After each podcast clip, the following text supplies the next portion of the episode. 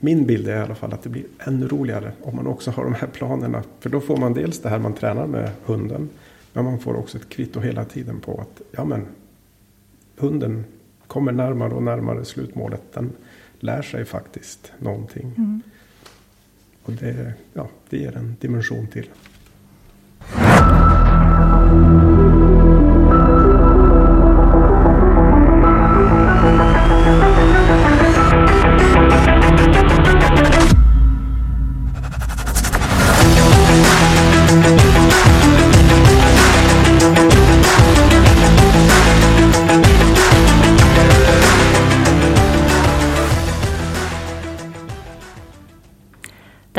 Avsnittet görs i samarbete med Hundlands, www.hundlands.com.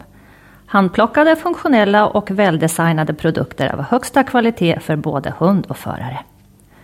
Hej Maria! Hej Helena! Hej Jens! Hallå, hallå! Jens Frank, välkommen till Hundtränarpodden. Tack för det. Vi sitter på Grimsö forskningsstation och ska prata med eh, Jens. Och ja, vi är båda väldigt nyfikna på vem du är och din bakgrund. Eh, berätta lite grann om dig själv. Ja, eh, jag är forskare här på SLU, Grimsö forskningsstation. Och jag jobbar även då på SVDI eller Scandinavian Working Dog Institute. Så det är den korta versionen av vem jag är. Och den långa vill vi också höra. Du kan ju börja med vad, vad forskar du på här på Grimsö? Ja, eh, just nu är det en salig blandning. Det jag har doktorerat på här när jag gjorde min forskarutbildning det var varg och en del lodjur. Så jag har jobbat i varg och loforskningsprojekten. Ja. Och sen hur man kan förhindra skador eller angrepp på hundar och tamdjur. Och hur, hur vargar och lodjur och björnar rör sig i förhållande till människor och hundar och tamdjur. Det där tycker jag låter som en hel podd. Ja, bara det. Jag, jag håller med. Fast det är inte det vi ska prata om idag. Del två.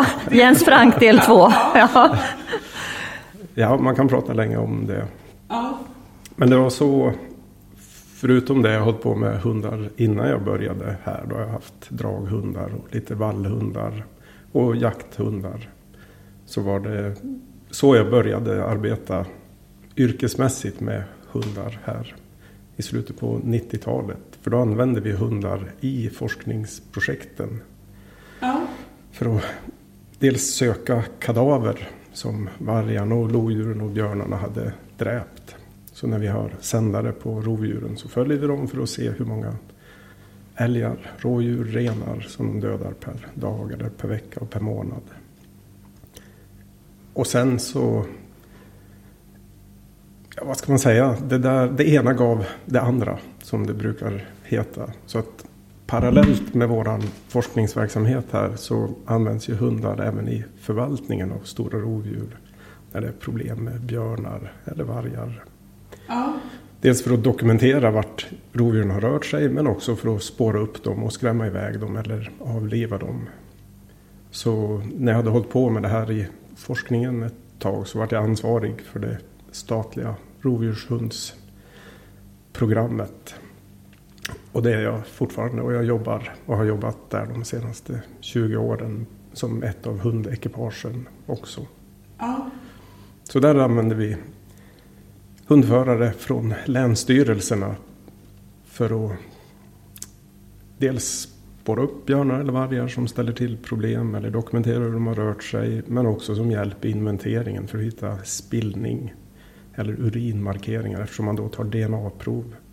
Och det är egentligen Aha. det som hela inventeringen bygger på idag. De här Ja. DNA-proverna. Just det. Men du jobbar även på SVDI. Vad, hur delar ni upp era ah, olika arbetsområden där? Ja, men det går mycket i varandra. Det På det. SVDI så är det ju, numera är vi ju bara tre personer där sedan den fjärde gick bort häromåret. Så att vi gör ganska mycket samma saker allihopa. Mm. Det är ett litet företag. Men det var så som jag kom i kontakt med Jessica och Tobias. Så att då i, i början på 2000-talet när vi höll på och tränade de här rovdjurshundarna så var det ju nära till Hällefors där de jobbade på hundcampus. Och då tog jag kontakt med Lennart Wetterholm där och var där och träffade dem lite. Och sen så har det då gradvis vuxit in i det här att vi bildade det här företaget tillsammans. Jag och Lasse och Jessica och Tobias. Mm. Men hur kom det sig att du valde den här banan från början tänker jag? Har du, har du tävlat sporthund eller någonting tidigare eller har det liksom fallit in på den här banan redan från starten? Jag har, jag har varit med i en vallhundstävling ja. för mer än 20 år sedan. men, eh, men för övrigt så har jag aldrig tävlat. Det verkar kul, jag skulle gärna göra det. Och kanske, ja, kanske att det blir mer tid till det senare. Och vilken gren skulle det i så fall vara? Vad tilltalar dig mest? Jag tycker det här som håller på att växa fram nu, PSA i, från Nordamerika, verkar väldigt kul. Det är som en, en lite mer extrem variant av Mondi och Ring. Men Mondi och Ring verkar också kul. Mm. Mm. Tycker jag. Ja. Vad är, vad, är det som, vad är det som driver dig? Vad är det som inspirerar dig i ditt jobb? Vad är det som, som får dig att, att vakna på morgonen och känna yes, ännu en arbetsdag? ja, det är, det är flera saker. Om vi, om vi ska försöka hålla isär dem. För SVDI och SLU-jobben är ju rent organisatoriskt två helt olika. Mm. Men de flyter ju väldigt mycket i varandra. Därför att nu har vi ju även en del hundforskningsprojekt. Eller som jag har då inom ramen för min forskartjänst på SLU. Och där är det klart att jag har jättestor nytta av det jobb som jag gör med SVDI mm. och de kontakter som vi har med olika militära och polisiära enheter. Men på SLU-sidan så som forskare så tror jag de flesta forskare drivs av att man är nyfiken mm. bara. Man vill veta lite mer idag mm. än man gjorde mm. igår. På SVD-sidan så är det till viss del det också. Jag tycker att jag blir, jag blir bättre som hundtränare. För, kanske inte för varje dag, men i alla fall för varje vecka. Det är bra. Ja, men där, det som driver en, för att ibland så är det ju inte men ibland är det mörkt mm. och mm. kallt och regnigt mm. på morgonen mm. när man ska gå upp och gå ut med hundarna och träna. Det vet ni hur det är. Och det som jag tycker då gör att man aldrig ens behöver fundera över om det är värt det. Det är jag tycker att de här som vi jobbar med och för gör ett väldigt viktigt jobb. Många av de här enheterna som vi tränar både hundförare och hundar åt. Jag tycker verkligen att de gör ett både viktigt och bra jobb. Och det, det är kul att vara med och bidra till det med den pusselbit som mm. jag kan bidra med. Det förstår jag. Ja. Vad är det som driver er att gå ut på morgonen? Ja, men ja, jag tycker att det är roligt att tävla. Jag har ju tävling som, som mål i, i min träning. Eh, det innebär ju inte att allt handlar om, om eh, Alltså, säg så här, jag kanske inte skulle vara, jag skulle inte vara lika motiverad. Jag skulle ju självklart gå ut med mina hundar ändå. Men just träningsmässigt så är det ju tävling som jag har som, som mål. Och just det här som du säger, som jag tycker är jätteviktigt, eller som Maria och jag har pratat om också, att försöka utvecklas som hundtränare själv och inte bara lägga över allting på hund. Vi lär våra hundar en massa färdigheter. Eh, men det finns så mycket annat runt omkring. Och ibland kan jag uppleva att man glömmer bort sig själv lite grann. Att vi har ett ansvar mm. att försöka vara så bra coacher eller, eller tränare som möjligt för våra hundar. Vilket gör att, att ja, åtminstone jag försöker att tänka, vilka bitar kan jag utveckla hos mig själv för att bli lite, lite bättre att träna min hund mm. på olika sätt. Men jag har ändå tävling som lite som i bakhuvudet hela tiden. Jag tränar mot tävling. Ehm, så, så, man kan väl säga att det är väl den största drivkraften, även om det innefattar så mycket annat runt omkring. Mm. Vad säger du Maria? För mig är nog den största drivkraften att hela tiden hitta smartare lösningar, eh, enklare saker, få snabbare, bättre resultat. Eh, få mer, ja men liksom bygga upp ett samarbete som, mm. som ja, men som ska räcka hur mycket och hur långt som helst. Mm. Jag är ju däremot inte så tävlingsdriven, även om man skulle kunna tro det. Men, mm, det skulle man nog kunna tro. men så är det faktiskt inte. Jag är en av men, men skulle du träna... ledsen av den synvinkeln. Över covid? Ja. Nej. Men skulle du träna lika, lika mycket om du inte hade tävling som mål? Det tror inte jag Maria. Fast det beror på vad det gäller för träning. Mm. Jag skulle kanske inte träna jättemycket lydnads Nej. moment Nej. Av, och kanske inte skulle träna på den skärpan och den precisionen som man behöver ha. Det skulle jag kanske inte. Utan då kanske jag skulle träna på andra saker som jag tyckte var kul. Faktiskt. Mm. Så så är det. Mm. Fast det, det, är kul, det är intressant att höra vad som driver. Jag tror egentligen att det är lite samma sak, fast ur lite olika infallsvinklar. Mm. Jag tror att det handlar om hela tiden att, att vilja förbättra saker och ting. Mm. Bli lite bättre, tänka till. Men, men, men just det här att, att hur kan jag utveckla mig själv för att kunna vidareutveckla min hund? Mm. Mm. Din kollega Tobias, han har ju pratat väldigt mycket, eller när vi hade podden med honom så pratade han väldigt mycket om att du var väldigt eh, bra på det här med kriterieplaner och mm. träningsplanering. Så det är lite det som vi tänkte sätta i fokus idag. Inte vargar och björnar.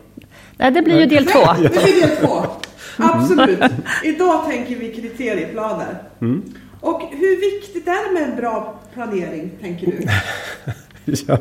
Ledande fråga. ja, ledande ja. fråga. Ja, det var en ledande fråga. Det beror kanske på hur man är lagd. Men både för mig och när jag instruerar andra hundförare så, så är det allt. Det är ja. det som allting bygger på.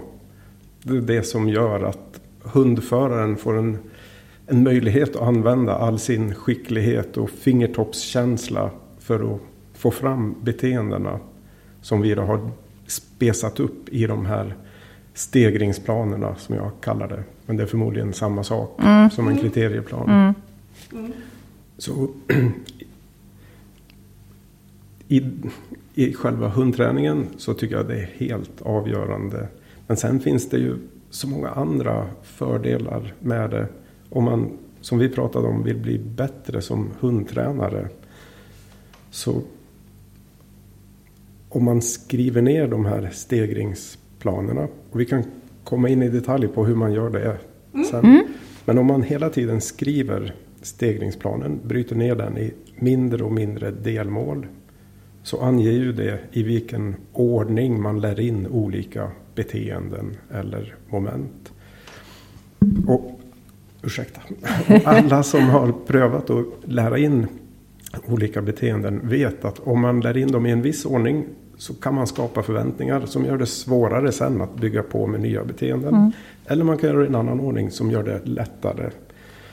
Så om man då först sitter ner och med papper och penna eller i ett Excel-dokument eller hur man nu vill göra det. Tänker igenom det här först. Så är det många misstag som man kan göra vid skrivbordet utan att blanda in en stackars frustrerad hund. Eller förare. Eller förare.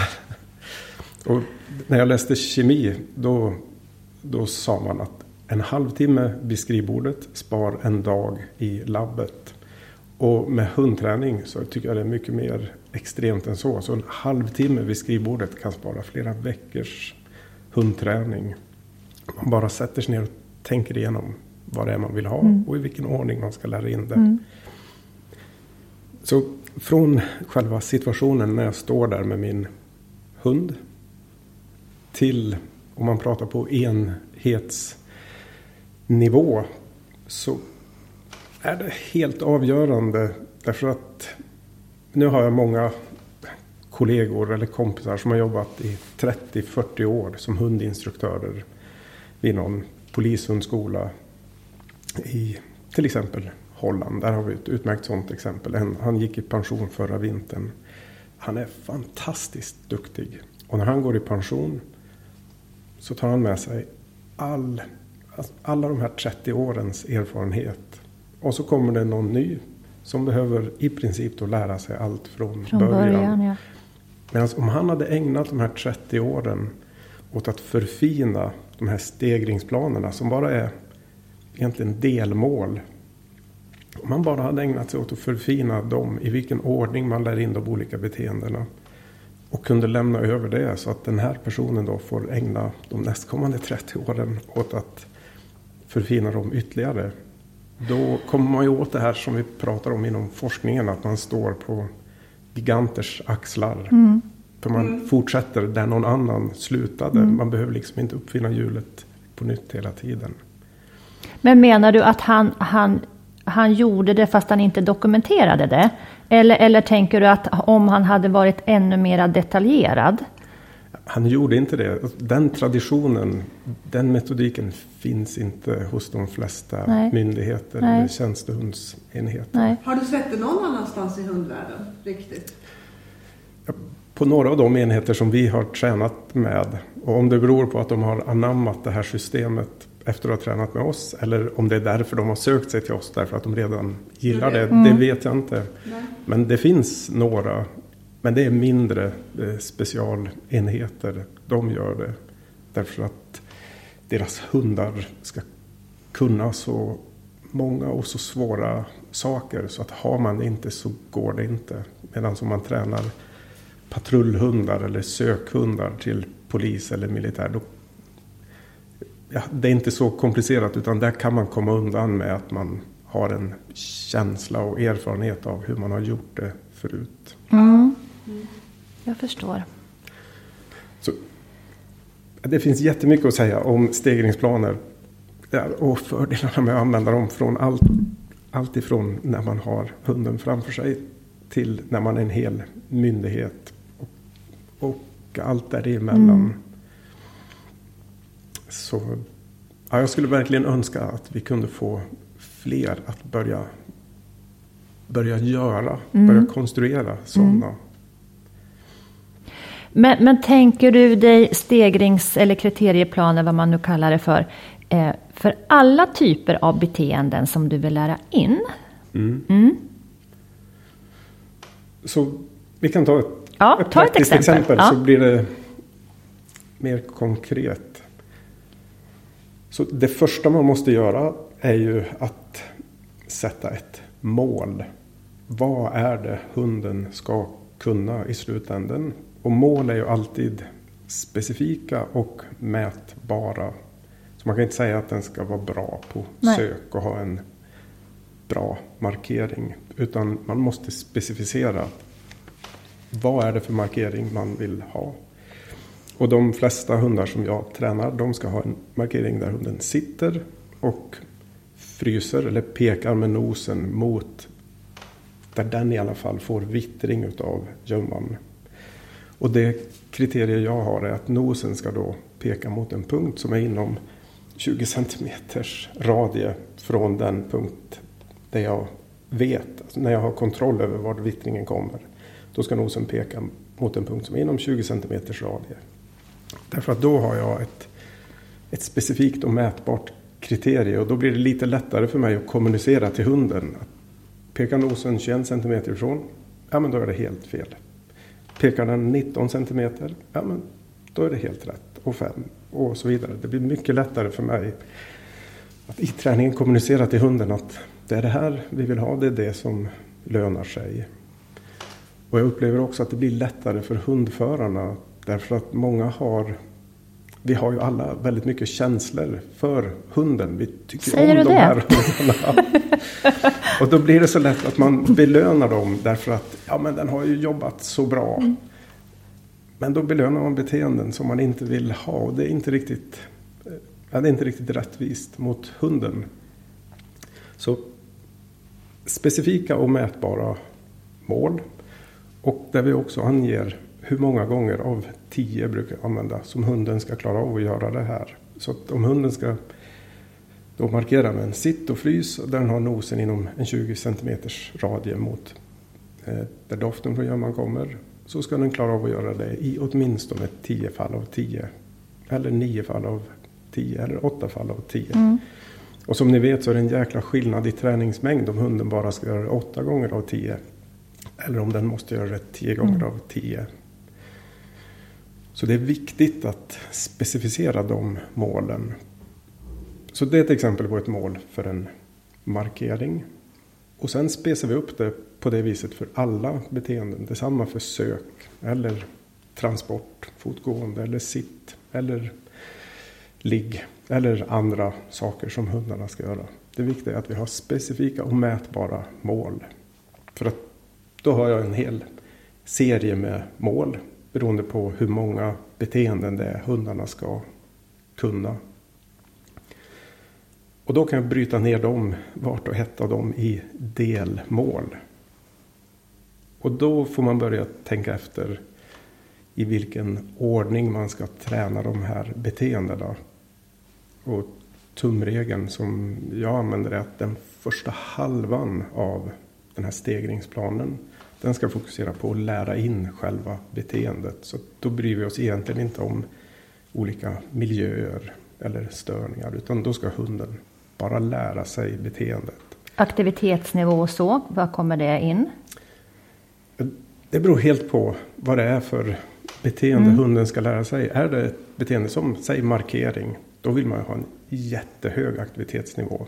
Ju mer hunden är beredd att döda för att få bollen, desto lättare blir det att få den att frysa och peka emot den. Mm.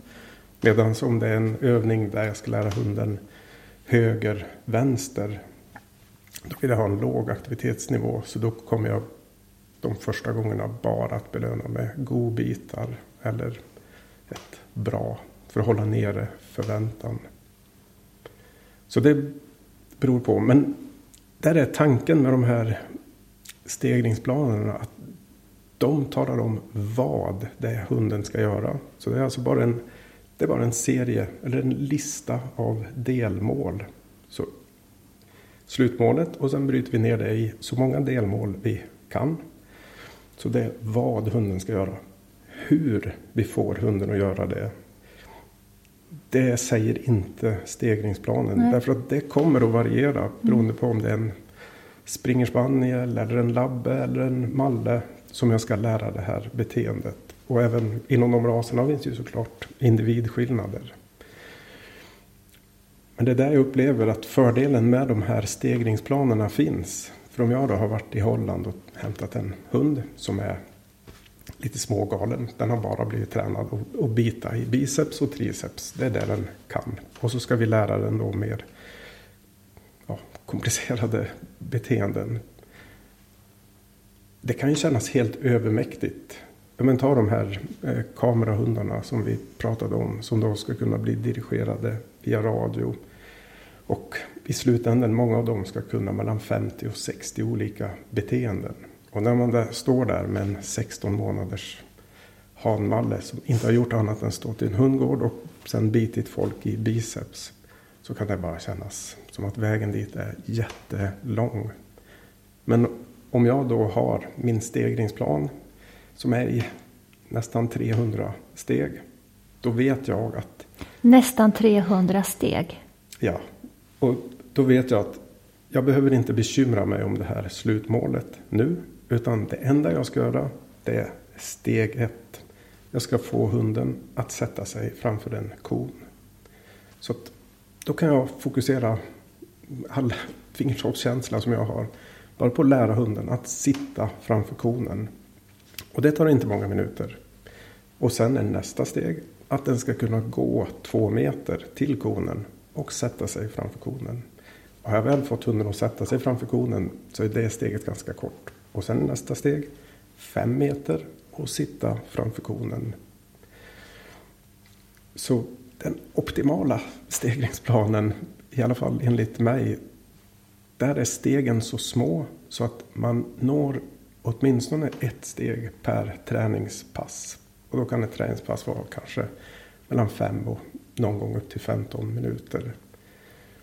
Därför att då vet jag efter det träningspasset att ja, men vi har haft progression.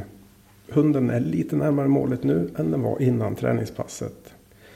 Och det är ju en bra känsla i mm, magen. Mm. Och har jag inte nått ett mål och kanske inte heller nästa träningspass eller nästa träningspass. Ja, men då inser jag att då måste jag ju förändra någonting. Jag kanske behöver bryta ner det här delmålet i ännu mindre bitar. Eller så får jag byta belöning eller jag får göra någonting annat. Men det hjälper inte att bara hålla på och stånga huvudet i väggen och försöka och försöka och försöka. Jag måste förändra någonting. Mm. Det, det, tror jag är många som skulle behöva ta med sig till sporthundsvärlden. För det är ju väldigt, väldigt vanligt. Och inte bara att de gör det i samma, trä, samma träningspass. Utan det här har man ju sett folk göra i flera år utan att ändra på någonting. Mm, mm. Och ändå ja. hoppas att det på något sätt ska lösa sig av sig självt. Men eh, mm. när du kommer på här, eh, när du är på ett sånt här steg, när anser du att hunden är vid, vad ska hunden kunna för att gå vidare till nästa steg? Då beror det ju på hur fyrkantig man är inne i huvudet. Och jag är väldigt fyrkantig. Så i min värld, när hunden har då nått det här delmålet tre gånger på raken, då går jag vidare. Ja. Det spelar ingen roll om jag tycker att det var inte perfekt. Därför att har den nått delmålet som jag har skrivit ner, ja men då måste jag gå vidare. Det värsta som kan hända är att i nästa delmål så kör vi huvudet i väggen och så får vi ta ett steg tillbaka. Mm. Men jag gör mycket hellre det än att göra en massa repetitioner på något som hunden redan kan. Dels för att då slösar jag bort tid. Men jag löper också risken att, man, ja men, att det blir för lätt för hunden. Så att hunden börjar tänka på någonting annat. Och så har jag belönat något som jag inte längre har kontroll över. Så men, det är min tumregel. Mm. När du har gjort ett pass eh, och sen har du nått eh, nästa steg så att säga, eller du har nått dit du vill. Nästa pass, börjar du där du slutade? Nej, då börjar jag på nästa steg. Du börjar på nästa steg, så du gör inte en repetition på det passet? Nej, okej. Okay. Nej. Nej. Därför att de flesta gånger, och det här beror ju på då hur bra planen är, men de flesta gånger så är stegen så små så att klarar hunden det förra steget då kommer den att klara nästa. Ja. Och ser jag med upprepade hundar att ja, men det här steget är för stort, då bryter jag ner det i två, två delmål istället. Tror du att det är att anledningen till att, att många kanske tycker att det är svårt att tänka så här, att, man, att stegen blir alldeles för stora? Att man inte bryter ner det tillräckligt mycket?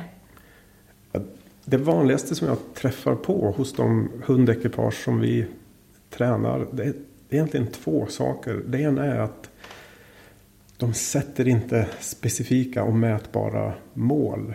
Utan jag vill ju att målen ska vara sådana att min mamma, som är helt ointresserad av hundträning, ska kunna tala om för mig om jag klarade ett steg eller inte. För det ska bara vara att räkna eller mäta. Mm. Eh, det ska inte finnas någon bedömning där i den bästa av världar. Vi kommer aldrig helt dit, men jag tycker i alla fall att vi ska försöka undvika det så långt det Inga går. värderingar på? Nej, för Nej. om man har lyckats bryta ner det i sådana fyrkantiga, tydliga, specifika och mätbara mål. Då blir det så mycket lättare att kommunicera till hunden. För den vet ju inte vad som är bra eller dåligt. Den vet ju bara vad som lönar sig mm. där och då. Mm. Så det är det. Antingen så har man inte satt dem specifika och mätbara utan lagt in ord som bra. Mm. Eller så. Det andra är att man i den här stegringsplanen inte bara skriver vad hunden ska göra utan man skriver också hur man ska träna hunden.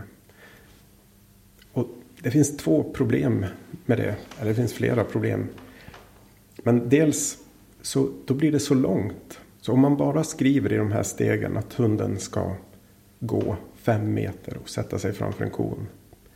det är väldigt kort. Så det tar inte mig mycket energi att skriva det steget. Men om jag också för varje steg ska skriva hur jag ska träna det, vart jag ska placera belöningen, vilken belöning. Då ledsnar man efter att ha skrivit de fem första stegen. Man bara mm. känner, att jag orkar inte. Och ännu värre är att när man sen då efter att ha tränat fem hundar enligt den här upptäcker att nej, det här är inte bra. Det vore bättre om vi justerade och byter plats på de här sakerna. Då har man investerat så mycket tid i att skriva stegen så att det finns ett motstånd mot att ändra dem. Men om man bara har hållit det jättekort så är det mm. jättelätt att bara ändra ordning eller ta bort eller sätta in något helt nytt. Så om man håller det kort och fokuserar på vad hunden ska kunna istället för att skriva en lång uppsats om hur hunden ska läras det här. För det är oftast ungefär samma approach hela vägen genom alla de här nästan 300 stegen. Så är det ju samma uppsättning belöningar. Man använder belöningsplaceringen är alltid viktig. Belöningssignalerna är viktiga. Men det behöver man inte skriva i varje Nej. steg. Men ser kriterieplanerna lika, alltså om du ska lära in ett visst beteende så har du så att säga numera en färdig plan för det? Eller kommer det att variera lite beroende på typ av hund? Eller ser det alltid likadant ut? Det varierar inte med typ av hund. Nej. Det gör det inte. Utan ordningen, den är densamma. Så det som varierar det är hur man når respektive delmål. För det är ju olika med nästan varje mm. hund. Men sen är det så att de här förändras ju hela tiden. Så de stegringsplaner vi använde för sex månader sedan ser ju annorlunda ut än de vi använder idag. Och jag blir besviken om de vi använder idag ser likadana ut om sex månader.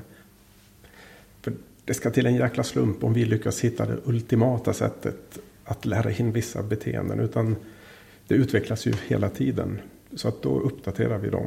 Men det bygger på att man håller dem korta och enkla. Ja, så att man orkar göra det. Mm. Mm. Ja, spännande. Var, var, kommer det här ifrån då tror du? Kommer det från din forskarbakgrund eller att du har blivit så intresserad och så, så noggrann med det? Eller var liksom... Nej, det vet jag inte. Det kommer nog jag skulle inte säga att det är något som jag eller vi har uppfunnit. Utan det känns bara som ett... Ja men... Det är så man utbildar både folk, eller kanske framförallt folk på många andra områden. Så mm. Många av de här enheterna där vi nu tränar hundar och hundförare. Av en, av en slump så har det blivit så att vi jobbar mest med olika specialstyrkor. Och de har ju mycket resurser. Och de hyr ju in externa instruktörer för skytte och fallskärmshoppning och alla möjliga saker. Där arbetar man med stegringsplaner på det här sättet. Ja. Eh, och det är ju sånt de tränar varje dag. Så att de är vana vid det sättet. Det är bara det att de har aldrig förut tänkt på att man kan göra på samma sätt samma med hundar. Mm. Så där har vi möjligen då bidragit genom att föra in det där också. Men det sättet är, skulle jag säga, väl beprövat. Mm i andra verksamheter. Och att vi börjar använda det, det är bara av ren självbevarelsedrift. För det blir, alltså det är verkligen svårt. Och jag har säkert, alla ligger ju någonstans på det här spektrat mellan olika diagnoser. Och jag ligger säkert längre åt något håll där som gör att jag tycker det är jättejobbigt om jag inte har kontroll över vad det är hunden lär sig. Och som sagt, ska jag bara träna en sökhund, ja men då skulle jag nog inte behöva det egentligen. Därför att det är så få beteenden en sökhund ska kunna. Men för de här andra hundarna som ska kunna många beteenden. Där, ja men visst, om man, om man säger att det tar ett år att träna upp en polishund eller någon annan tjänstehund. Då kommer det att ta ett år. Och då kan man då har man tid att eh, sulla bort en massa tid. Men om man har tre månader på sig att träna upp den, då har man inte det. Utan då måste hunden lära sig någonting efter varje träningspass. Därför att annars kommer man inte nå målet. Och i, i mitt fall då, till exempel så kommer en dansk, danska nationella insatsstyrkan hit imorgon och ska titta på två hundar. Och om de hundarna då inte kan det vi har kommit överens om. Om de inte kan göra det eller det beteendet tio gånger av tio. Ja, men då tar de inte med sig hunden. Och eh, då står jag där med en, en hund som man har lagt ner många månaders arbete ja, just på. Det. Just det. Men tänker du då att det, att det är en annan hundförare som ska kunna träna hunden direkt? Eller tänker, ja. ja. Vi, oftast har vi en överlämningsperiod på mm. någon eller några dagar beroende på hur, hur avancerat det är, det som hunden ska göra. Och Just på hur erfaren föraren är. Mm. Men det bygger på att någon annan ska kunna göra det sen mm. med den hunden. Tror du att det är lika viktigt i till exempel lydnads, tävlingslydnaden eller ja, brukslydnaden med lika tydliga kriterieplaner? Ja, med all min erfarenhet från en vallhundstävling så tror, så tror jag det faktiskt. För jag, jag tror ju att det är samma sak där. Hundarna ska lära sig någonting. Vi som tränare eller förare vill försöka kommunicera någonting till hunden. Och det är det som de här stegningsplanerna hjälper oss med. Att man får struktur på det så att man inte hoppar fram och tillbaka eller riskerar att träna flera veckor på någonting som hunden redan kan. Utan man har hela tiden progression så att hunden lär sig någonting och man ser direkt. Det är det jag upplever är den största fördelen. Att jag, jag får kvitto direkt på om hunden faktiskt går framåt. Eller om vi har eh, stiltje vi faktiskt inte kommer närmare målet eller till och med kommer längre och längre bort från målet. Och jag upplever att om man inte har de här planerna så ser man inte det lika fort. Utan då tränar man för att det är kul att göra någonting med hunden. För det är det verkligen. Men min bild är i alla fall att det blir ännu roligare om man också har de här planerna. För då får man dels det här man tränar med hunden. Men man får också ett kvitto hela tiden på att ja, men, hunden kommer närmare och närmare slutmålet. Den lär sig faktiskt någonting. Mm. Och det, ja, det ger en dimension till.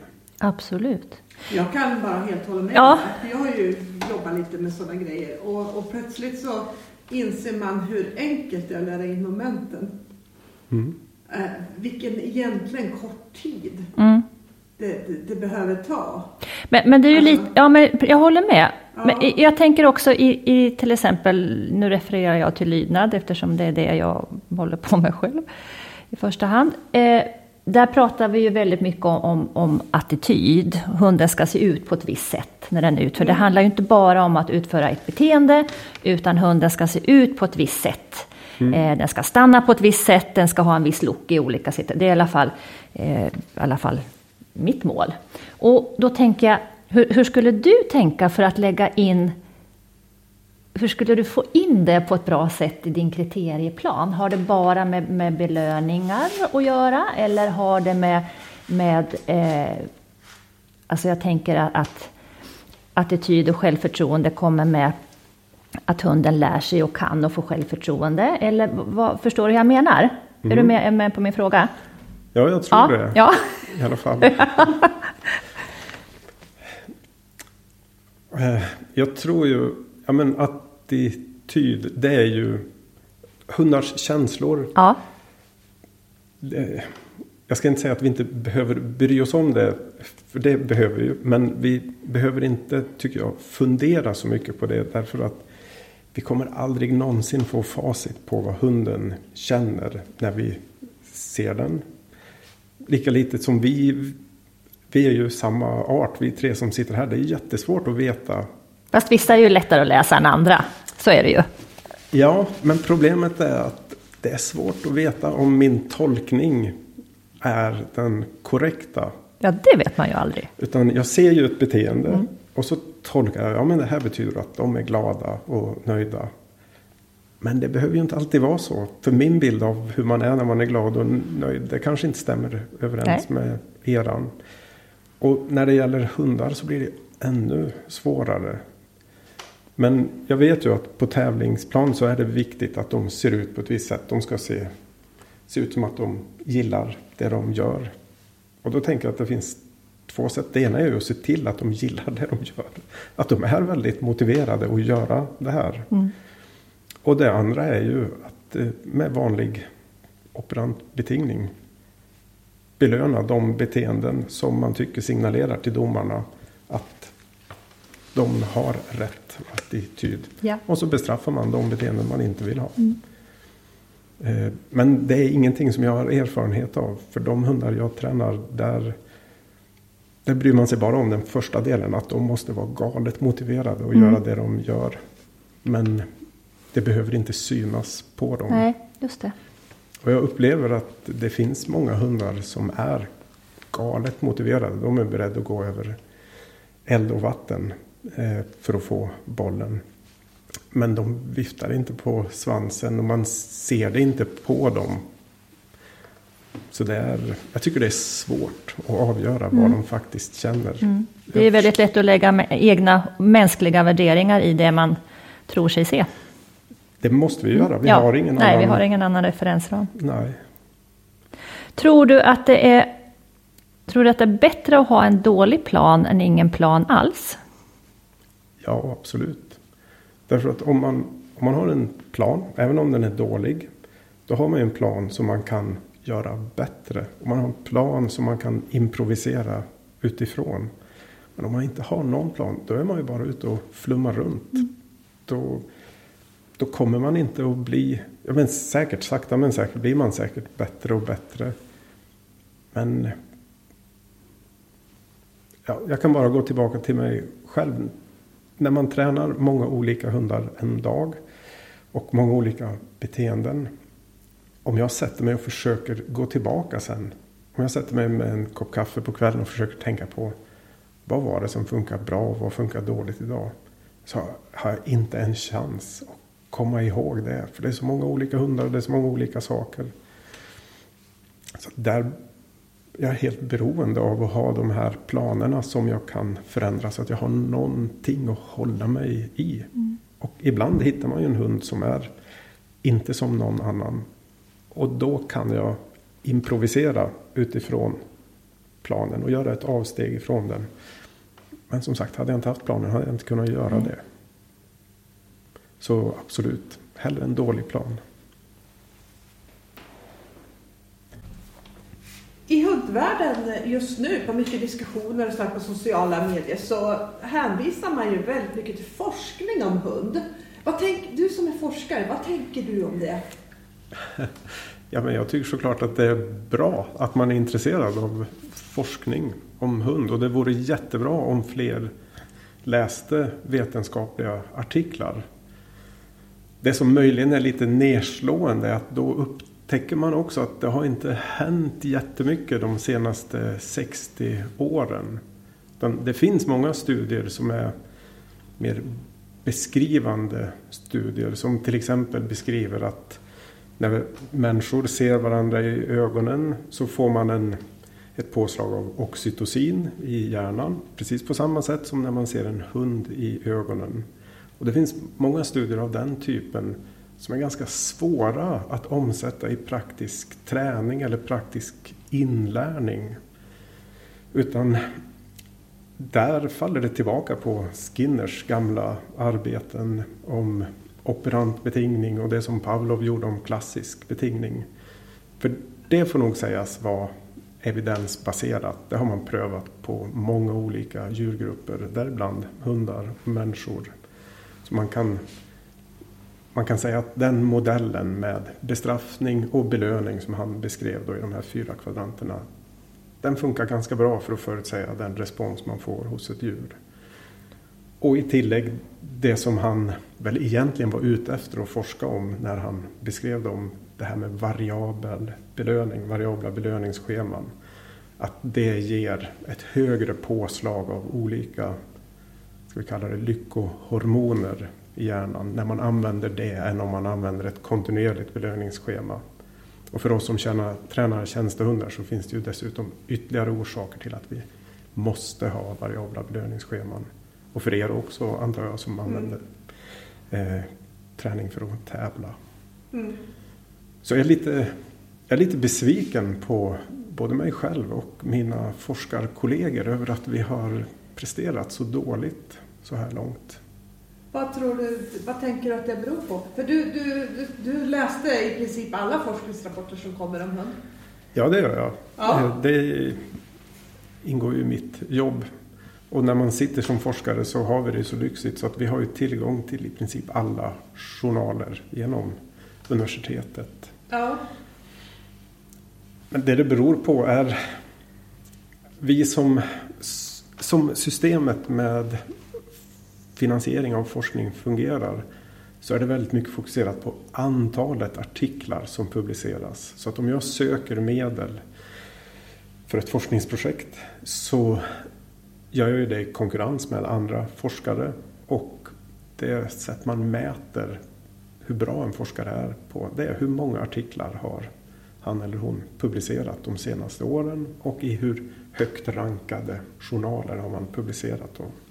Och det gör ju att det lönar sig då att, att plocka de lågt hängande frukterna och det är oftast när man beskriver samband snarare än att man lägger upp ett experiment och genomför ett försök. Där man också kan uttala sig om orsak och verkan, inte bara om det här sambandet som finns. Men om man gör det då kommer man att publicera färre artiklar under en femårsperiod. Därför att det, det är både dyrt och tidskrävande att genomföra experiment. Och det är också väldigt svårt att lägga upp det på ett sådant sätt att det blir jämförbara grupper mellan försöks och kontrollgrupperna. Så jag tror det är det huvudsakliga skälet, tyvärr. Mm. Mm. Och sen är det väl så också att många av oss som är forskare är inte hundtränare och många hundtränare är inte forskare. Så det är också, då är det också svårt att veta vad är det hundtränarna behöver ha svar på. Mm. Just det. Så där får jag ta på mig ett, ett extra stort ansvar då, som är både hundtränare och forskare. Men... Det skulle behövas flera av, av din sort alltså? Ja, det tycker jag verkligen mm. mm. att det skulle göra. Mm. Mm. Ja, det är, det är väldigt intressant i alla fall eftersom det ofta hänvisas till det, till det ena eller det andra området. Eh. Ja, det gör det. Men där upplever jag att det är lite som med andra religioner. För i de, i de sammanhangen så upplever jag att forskning blir mer en religion än något annat. Så att i, i de flesta religiösa skrifter så kan man ju hitta stöd för nästan vilken åsikt man än har. Och så är det i forskningslitteraturen också. Du kan hitta stöd för nästan hur galna åsikter du än har. Ja.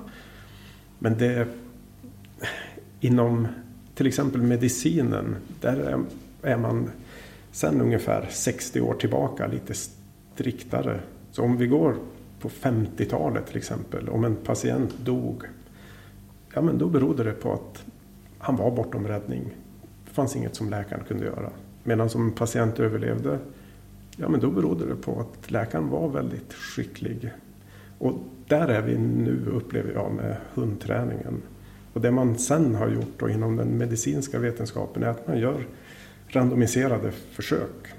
Där man testar effekten av en viss behandling. Och i hundsammanhang skulle det vara en viss träningsmetod. Och, mm. och så ser man, tar det kortare tid om man använder leksaksbelöning för att lära in en sitt och frysmarkering än om vi bara använder godisbelöning. Så testar man bara dem mot varandra och så mäter man hur många träningspass eller hur många dagar man behöver för det ena mot det andra. Mm. Nu blir det mycket guru-tänk. Ja, men se på hon, hon lyckas bra för att hon är bra. Men det vore mycket intressantare att istället mäta olika tekniker eller metoder mot varandra. Absolut. Jag håller helt med. Det är ju jätte, jättespännande faktiskt. Mm. Mm. Riktigt. Vad tycker du definierar en skicklig hundtränare? Men det blir ju färgat av att jag är så fyrkantig. Ja, men då här... frågar jag ju dig. Ja, du får vara fyrkantig. Ja, du får vara för fyrkantig du vill. ja, men då, det jag tycker det är att de har ett klart och tydligt mål för vad hunden eller hundarna ska kunna i slutändan. Och att de sen är bra på att bryta ner det här i mindre och mindre delmål. Därför att sen allting annat utgår ifrån det. Vilken hund jag selekterar. Det, har, det är ju jätteviktigt. Men om jag inte har klara och tydliga mål och en klar och tydlig bild för hur jag ska lära in de här beteendena så är det ju omöjligt att veta vilken typ av hund som jag ska selektera för det här. Då har du nästan svarat på min nästa fråga också. Vilken, vilken lyder, vad, hur stor del tror du hund respektive tränare har för ett lyckat resultat? Ja, men därför, det går så mycket i varandra. Ja. ja, det gör det. För att det första man gör är ju att man väljer en hund. Och där skiljer det sig ju lite om man då har en om man tar en valp eh, som, som sällskapshund och sen bestämmer man sig för att jag vill försöka göra någonting med den här hunden. Då har man ju den hund man har. Och det kan vi diskutera för det är en Ja, det, det är ett problem i sig. Det blir podd nummer tre. ja, men, eh, men då, som i mitt fall, så när jag har då ett mål för vad hunden ska kunna. Då selekterar jag ju en hund. Om det är så att enheten vill att jag väljer ut en valp. Ja men då tittar jag på vad är det för ras. Vilken linje, vilken kennel, vilka föräldrar. Och där har jag gjort selektionen.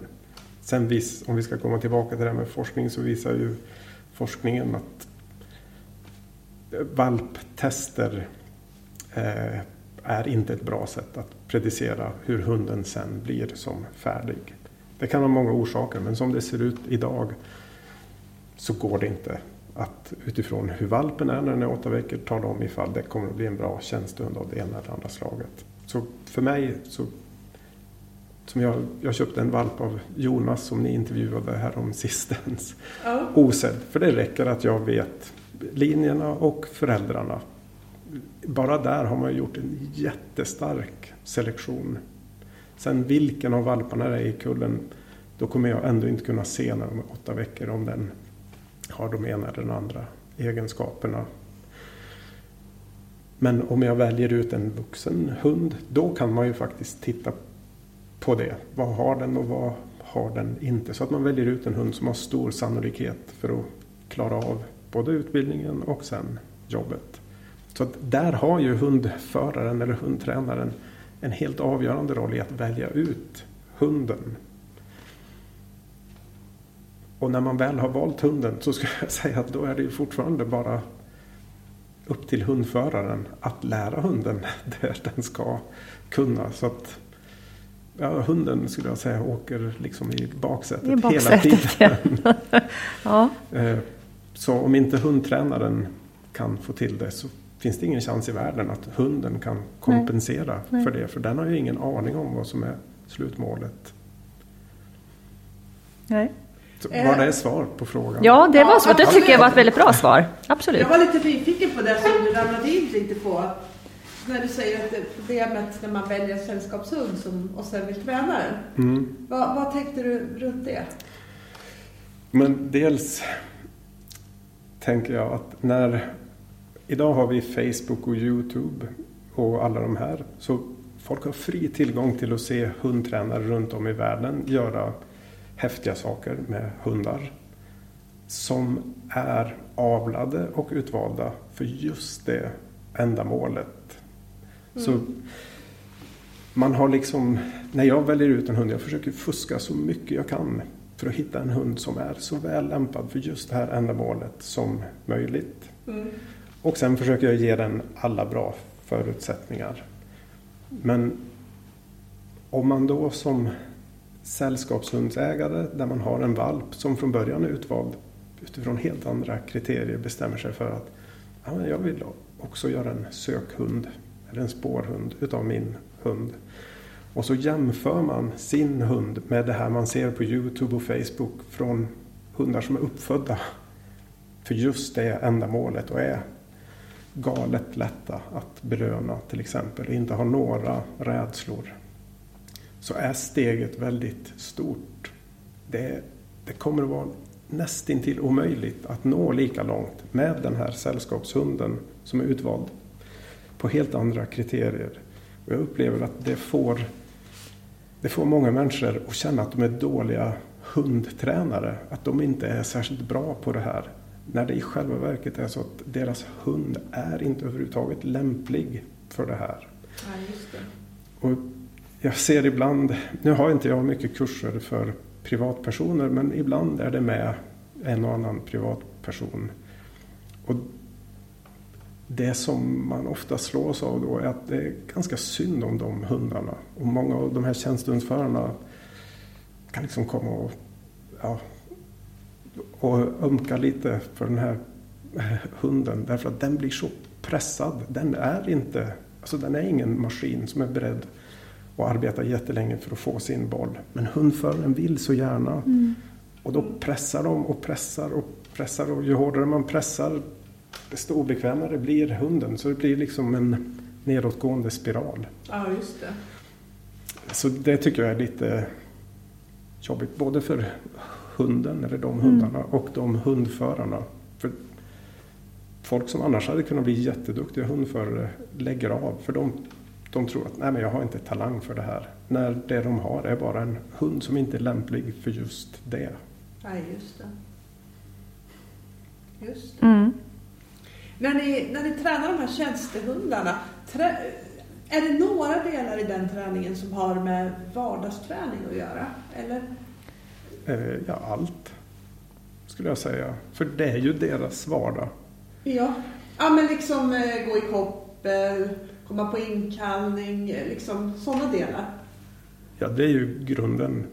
Det, man, kan inte ha en, man kan inte ha en attackhund som inte kommer på inkallning Eh, eller som inte kan gå i koppel. Mm. Därför att hundföraren ska gå, ofta går de inte längst fram utan de går eh, bak eller i mitten och har andra folk kring sig och de måste gå tyst uppför trappor och ner för annat och in genom dörrar. Eh, det, är en, det är jättefarligt om man har en hund som drar i kopplet eller inte kan vara tyst eller inte, inte gör det som den har blivit inlärd att göra. Mm. Så jag skulle säga att det är liksom... Det är en stor del av jobbet. Absolut. Ja. Det är det vi gör allra mest. Så om vi tar den attackhunden som jag förhoppningsvis ska leverera imorgon. Så den kör ju flera pass med fotgående, sitt, ligg, eh, komma på inkallning, sitta kvar eh, och gå upp och ner för trappor och in och ut genom dörrar där det inte händer något mer än att den går in och ut. Och så kanske den får bita eller angripa någon i munkorg tre, fyra pass i veckan. Men flera pass varje dag bara med det du sa med transporter i och utan koppel med och utan munkorg med och utan väst eller skor.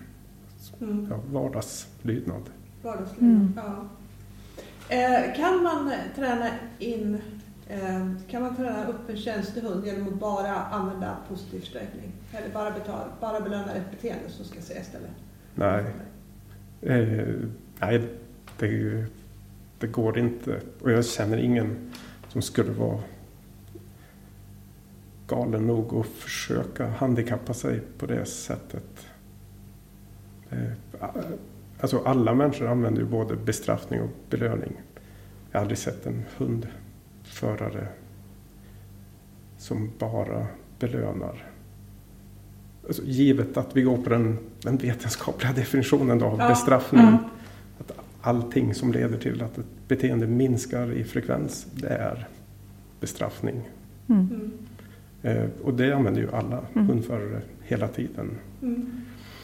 Så nej, det skulle jag säga, det går inte. Med tjänstehundar så tillkommer ju dessutom att där kan inte all träning vara behaglig för hunden.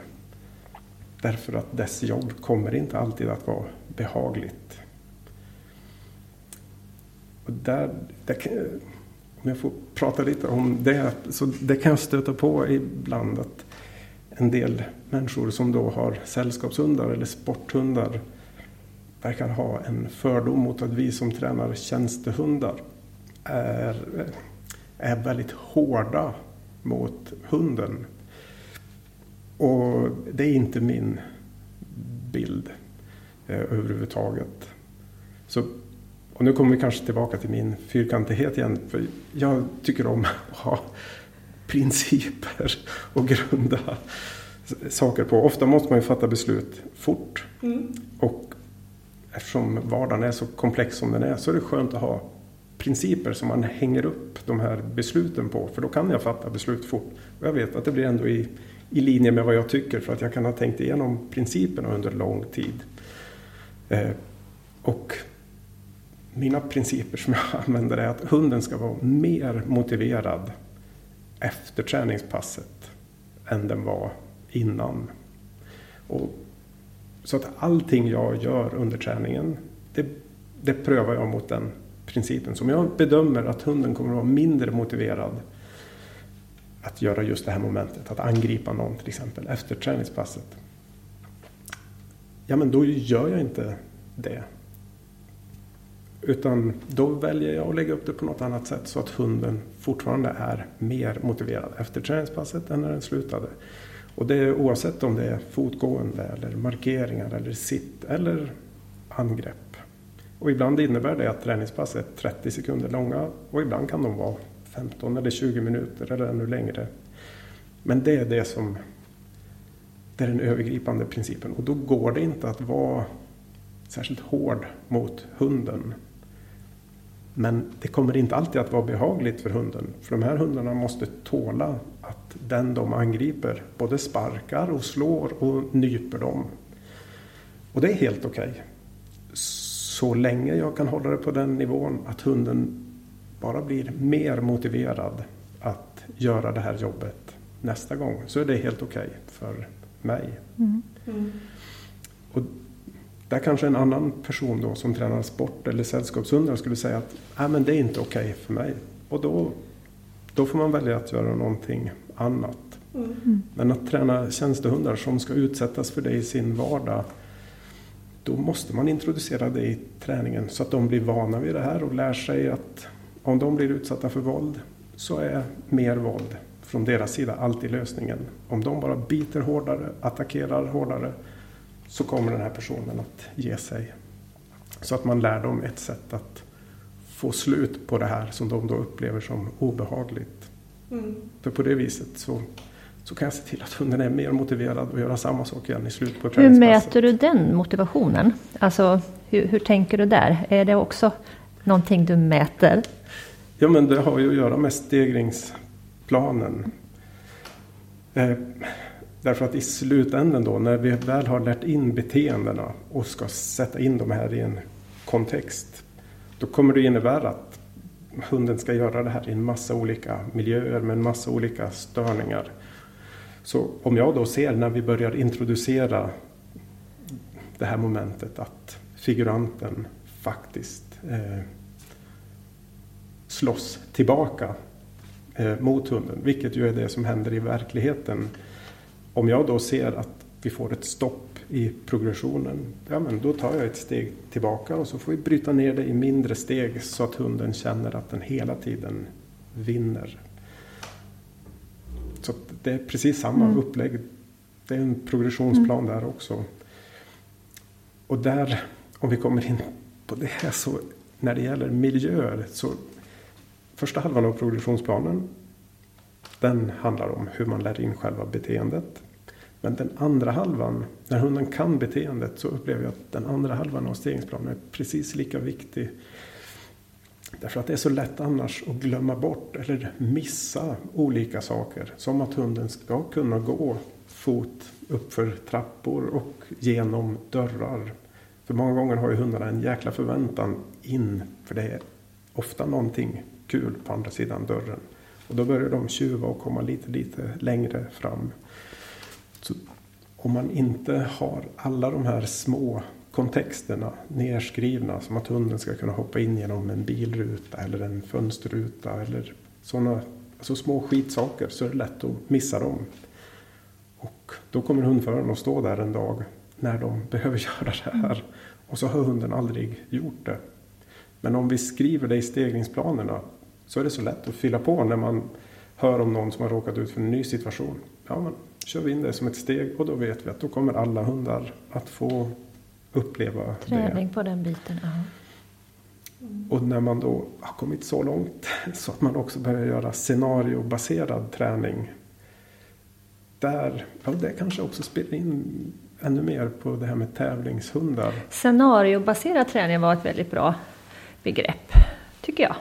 Mm.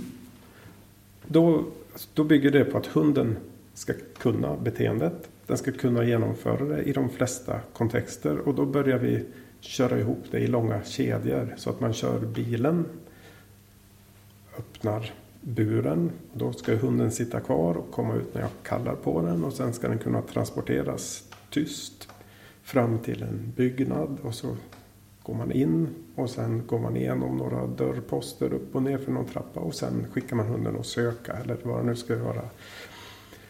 Och där är det ju ganska många olika moment som hunden ska kunna. Och där upplever jag att det ofta blir fel idag. Därför att om man då har investerat pengar, man har hyrt in en eller flera figuranter och så har man bokat helikopter eller båt eller någon annan transportsätt. Så att man landar med helikoptern och sen ska hunden då gå transporteras tyst med hela gruppen till byggnaden. Så börjar hunden leva om i helikoptern och inte är bekväm. Och sen när man landar på marken så börjar den pipa för den har ju en jättehög förväntan på att nu blir det något kul. Så kommer man ju fortsätta gå fram mot hunden eller med hunden mot byggnaden. Man kommer att gå in i byggnaden och man kommer att ha belönat hela den här kedjan med en massa beteenden som man inte vill ha. Bara därför att man har investerat så mycket tid eller pengar i det här scenariot.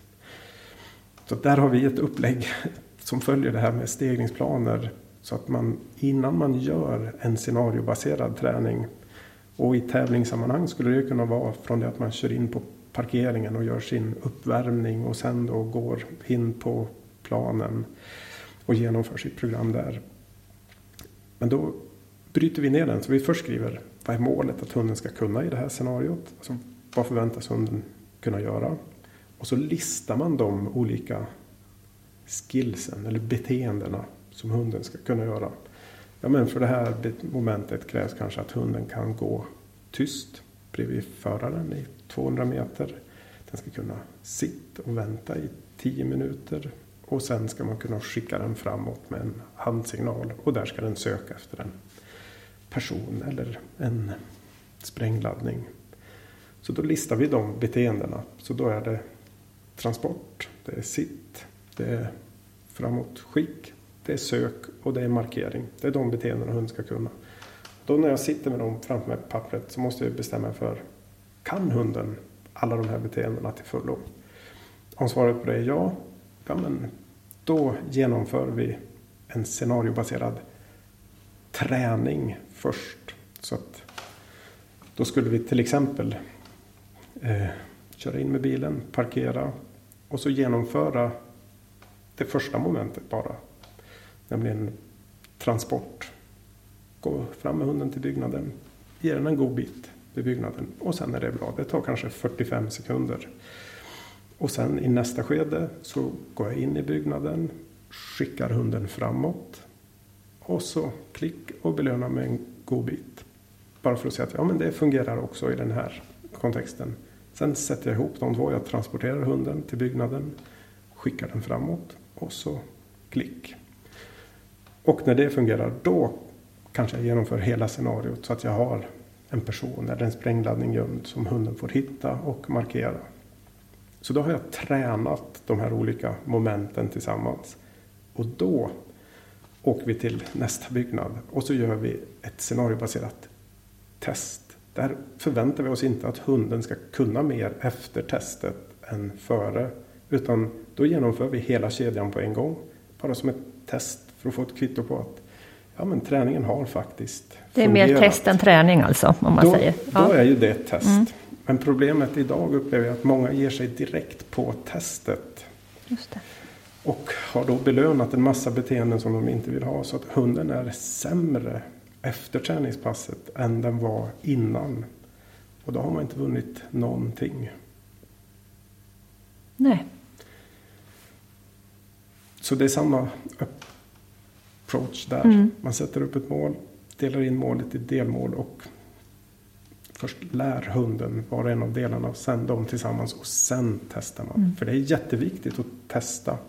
Men man måste bara skilja på test och träning. Och i ett test, då får hundföraren ett kvitto på vad som funkar. Mm. Men hunden har inte lärt sig någonting. Nej, just det. Vad tänker du om när man kör, eh, vad heter det, när man gör eh, olika former av bitarbete? Så är ju det en väldig balans mellan kontroll och bita. Mm. Vad, vad, tänker du om den biten? Vad, vad... Hur ja. jobbar ni med det? Ja men alltså, själva bettet är ju och kommer alltid att vara en belöning för ja. hunden. Så det vi jobbar med det är ju en jätte högoktanig belöning. Och innan vi kommer dit så separerar vi på det. Så att jag kan ju träna greppet. Så hunden ska ha ett fullt och fast grepp. Och den ska inte hålla på och tugga. Och den ska inte dra. Utan hunden ska ha ett fullt och fast grepp och den ska trycka och det tränar vi separat. Först med bitkuddar och hunden i en gummilina så att den får verkligen jobba för att komma fram och så bita och om den då inte har ett hårt grepp så då kommer den sakta men säkert att dras bakåt av gummilinan. Så att den blir belönad för att ha ett hårt och fast grepp. Och parallellt med det så tränar vi då transport, sitt, ligg och kommandot attack. Fast då på jag tränade på bitärmar, benärmar eller ben ah, ah. sleeves. Eh, som man ställer på marken för de är lättare att få stå än de man har på armen. Mm, så på kommandot attack så rusar hunden fram och biter i den här och kommer tillbaka med den och kampar. Så så tränar jag in hela kedjan först. Att hunden bara hittar en, en ärm att mm. bita. Och sen då när den har greppet, den trycker bra eh, och biter hårt och fullt och fast. Då kan vi börja öva hunden vart den ska bita. Och internationellt så vill de flesta att hunden biter i bicep om den attackerar framifrån och i tricep om den attackerar bakifrån. Och där är det viktigt att man har ett sådant målområde. Just för att hunden måste ju ibland fatta blixtsnabba beslut. Då vill vi inte att den ska hamna i någon slags, eh, vad säger man, beslutsförvirring. Nej, utan den ska inte tänka, utan när den ser en person så då ska den direkt bita bicep eller tricep. Om inte de är tillgängliga så lär man ju såklart hunden att bita vart som helst annars. Mm. Men det är inte förrän hunden kan den vet vart den ska bita och hur den ska bita med ett fullt och fast grepp där den trycker som vi lägger in det tillsammans med de andra momenten mm. i kedjan med transport och med sitt och attack. Mm. Var det svar på frågan? Ja, absolut. Ja, det, var, ja, det var en liten omständig fråga, sorry. Men jag antar att det du var ute efter är att vi först lär in de här beteendena där vi vill ha, där vi vill skapa kontrollen. Det lär vi in separat, separat mm. med en mer lågvärdig belöning. Mm. Och sen sätter vi ihop det för att försöka lära hunden det här direkt på en figurant. det kan inte ens föreställa mig hur nej, det skulle nej. lyckas. Det går nog nästan inte. nej. Jens, du var lite inne på det här med variabel belöning och effekterna av det. Kan du berätta lite mer om det? Ja, men gärna. För det, det är kanske min andra käpphäst då, förutom stegringsplaner. Och det är något som många hundförare har jättesvårt för. Just för att vi får ju en kick av att belöna. Om jag klickar eller blåser i visselpipan och får belöna min hund. Det, det känns ju jättebra. Så det där är något man vill göra hela tiden. Men problemet, om vi börjar i tjänstehunds eller sporthundsdelen, är att hunden kommer, när den väl jobbar, inte att bli belönad varje gång den gör beteendet. Så om vi har en sökhund till exempel, som söker efter sprängämnen. Så när den då söker i ett skarpt läge, det är klart att den känner av att det här är inte som på träning. Utan hundföraren och de andra omkring är lite nervösare och försiktigare. Så det är klart att den känner skillnad på när det är ett skarpt läge och när, när, när det är träning. Och om den då har blivit belönad varje gång den har gjort söket och markerat. Och helt plötsligt i ett skarpt läge så blir den inte det. Så blir det en väldigt stor kontrast för hunden. Och många gånger så kommer hunden uppfatta det som en bestraffning. Och det där ger det vi ser hos många enheter att hundarna fungerar kanonbra i träning och sen på skarpa jobb så ser det ut som helt andra hundar. De har inte alls samma driv och motivation. Helt enkelt därför att de förväntar sig belöning på träning medan i skarpa jobb så förväntar de sig inte det. Och det går inte att belöna hundar många gånger under skarpa jobb. Dels för att man inte får och dels för att man inte vill. Eftersom man vet ju inte. Är det här en falsk markering för en sökhund till exempel? Ja, men då kan man ju riskera en hel del genom att belöna den. Eh, men också för att proceduren och protokollet gör att när hunden markerar då ska helt andra saker hända. Då är det inte tillåtet att belöna hunden än som man skulle vilja. Men de flesta hundförare vill ju inte eftersom man inte vet. Och då heter ju lösningen att man börjar med variabel belöning även under träningen. Så att det inte är någon stor grej för hunden att den inte blir belönad under skarpa jobb. Därför att den förväntar sig inte det. Och här har ju Skinner och hans kollegor visat för, ja nu är det nästan hundra år sedan, att effekterna av variabel belöning är att djuren blir ännu intensivare i de beteenden som man belönar variabelt. Och det är det som känns lite kontraintuitivt tror jag för många hundförare. Man tänker sig att ja, men om jag inte belönar så då kommer den inte att vara lika ivrig att göra det här nästa gång. Men grejen är att de blir ju spelidioter om vi gör det här på ett genomtänkt sätt så att de blir ännu ivrigare att göra det. Vi är ju på variabla belöningsscheman hela tiden med Facebook och Instagram eller när vi köper lotter eller spelar på hästar. Så att det fungerar är helt odiskutabelt. Men att omsätta det i praktiken är det som är svårt.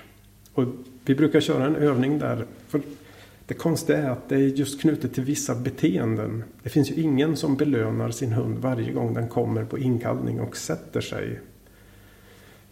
Och det tycker de flesta hundtränare är helt okej. Okay. Men så fort hunden söker och markerar, då vill de belöna varje gång. Så det vi gör är först att vi gradvis får dem att gå från att belöna tio gånger av tio när de kallar in hunden och den sätter sig vid deras vänstra sida. Så belönar de den åtta gånger av tio sen fem gånger av tio och sen så bara en gång av tio och ibland bara med en låg oktanig belöning. Alltså inte en leksak utan bara en godbit eller att de säger bra. Och sen för vi över det då i sök och markering till exempel. Och då brukar det bli lite lättare. Så om det är någon som inte har prövat det här med variabel belöning än så är det bra om de prövar det i en kontext där de känner sig bekväma, som till exempel sitt. Det här är ju en superviktig del, eh, även när det gäller tävling förstås. ja, mm. som man upplever. Absolut. Absolut. Det här, och, och, och just det här att att man inte vågar. Eh, man vågar inte låta bli att belöna för man är rädd att hunden ska tappa driv och motivation. Mm. Eh, och man, det blir ju att man gör sig själv en, och hunden en björntjänst genom att vara där och belöna i förebyggande syfte. Men då är det väl jättesmart, som du säger, att börja träna sig själv. Att göra det här i en situation som inte är så kanske viktig, eller som man upplever viktig. Eh. Ja, för jag tror det är mycket det. Sitt vet man hur man ska träna så att man tycker det är ingen katastrof om hunden blir mindre motiverad för jag kan få tillbaka det. Medan de kanske då känner sig mindre säkra när det gäller sök och markeringen. Där är den liksom så mm. instabil så att de vill inte röra den. Men om man vill grunda sin träning på forskning eh, så är det här en av de få saker som faktiskt är vetenskapligt bevisad mm. i hundträningen. Och det intressanta där med nyare forskning är att man har också visat vad som är det optimala belöningsschemat för att få maximalt påslag då utav de här lyckohormonerna. Så man har visat att om man belönar 75 procent av fallen så ja men då, visst det blir lite högre påslag än om man belönar varje gång. Och detsamma om man bara belönar 25 procent av gångerna så blir det exakt samma påslag som om man belönar 75 procent av gångerna. Men det optimala ligger i 50 procent. Så då får man den högsta toppen. Så det ska vara ungefär lika stor chans att man blir belönad som att man inte blir belönad. Och det är just det, det lilla osäkerheten, det lilla intervallet som man vill att hunden ska ligga i. Då får den som absolut mest påslag av lyckohormoner när, redan när den börjar utföra beteendet. Och då kanske man kan komma åt det här som du var inne på Helene med att hunden ser ut som den har hög förväntan på det här. För att den har verkligen hög förväntan precis, på det. Precis. Och det är inget den styr själv utan det är ju hormonellt. Mm. Ja, spännande. Ja, Jätteintressant ja. tycker jag. Hur upplever du att eh, belöningarna, belöningarnas eh, vad ska jag säga, värde eller att belöningens värde kan minska när, eh, när hunden är riktigt bra på vissa beteenden. Att, att, eh, att det går liksom, arbetet i sig blir ganska självförstärkande. Både ja och både nej. Det, eh, jag tror att det som händer då att arbetet i sig, att aktiviteten i sig blir självförstärkande. Det skulle vi kunna ha en lång diskussion om. För det, det beror på så många antaganden. Man måste göra så många antaganden för att komma till den slutsatsen. Eh, och det är ingen modell som jag skulle vilja välja att arbeta ut efter. Så när vi tränar spårhundar till exempel så hör vi ibland personer som säger att men hunden spårar och så markerar den inte föremål i spåret. Och så säger de, ja men det är för att spåret är eh, självförstärkande. Den blir liksom belönad av att spåra. Och jag har aldrig träffat en hund som där spårning är självförstärkande. Därför att då skulle ju hunden på kort tid bli extremt duktig som spårhund. Om varje spår den gör är självförstärkande i sig. Mm. Och det verkar de inte vara utan hunden spårar för att den har en förväntan på någonting. Och många gånger när hundföraren säger så då betyder det, eller i alla fall är det min tolkning att du har inte kontroll över vad det är hunden förväntar sig där framme. Eller i spåret. Och då är vi tillbaka till det här med operantbetingning. Så det är inte en perfekt beskrivning av världen. Men det är en bra modell att jobba utifrån. Att om vi vill se mer av ett beteende då ska vi förstärka det. Men då vill det till att vi har kontroll på vad det är som, som förstärker det här ja. beteendet. Ja, och det, det, det, kan... det, är ju, det är ju ett problem i lydnad också om hunden hellre vill göra momenten än ta belöningarna till exempel.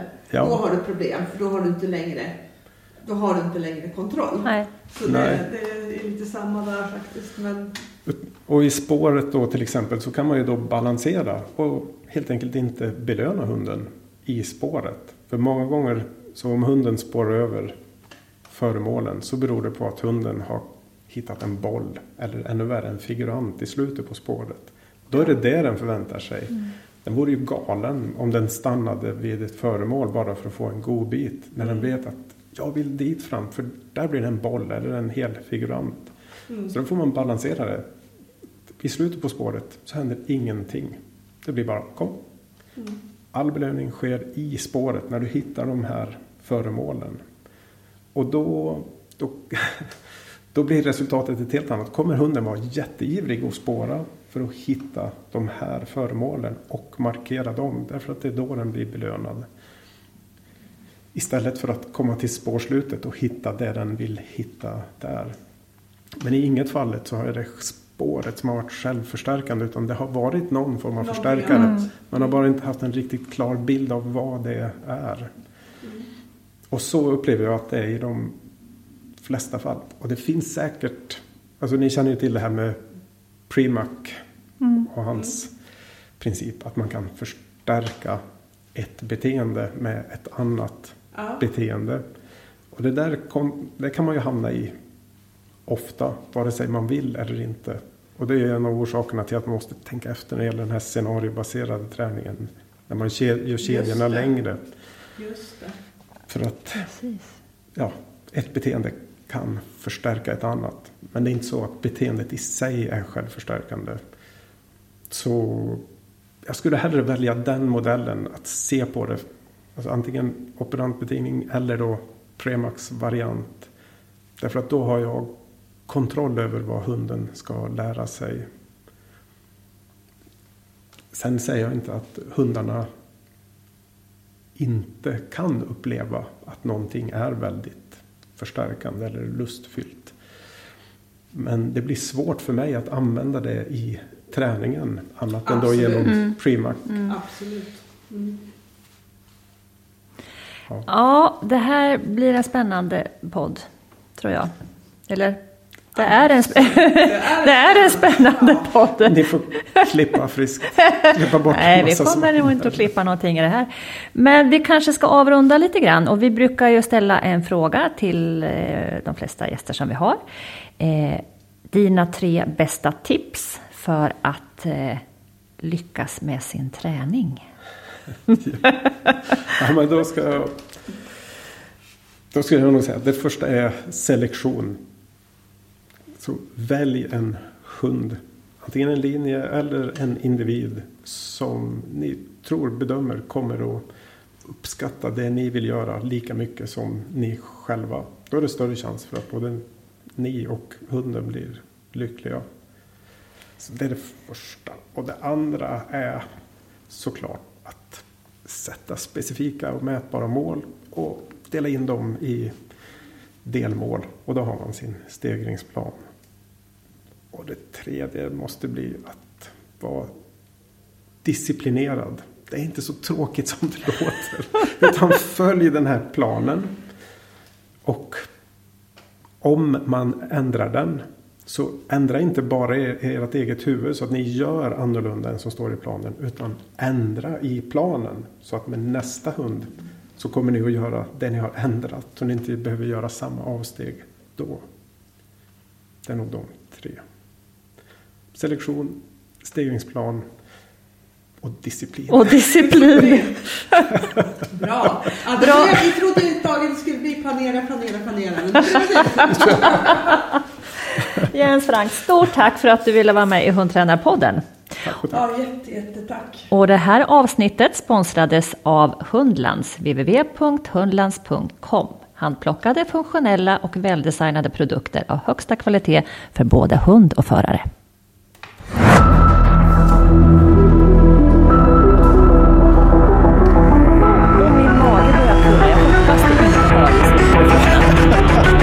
var det inte. Det var ingen annan. Hörde inte du heller? Nej, Nej bra.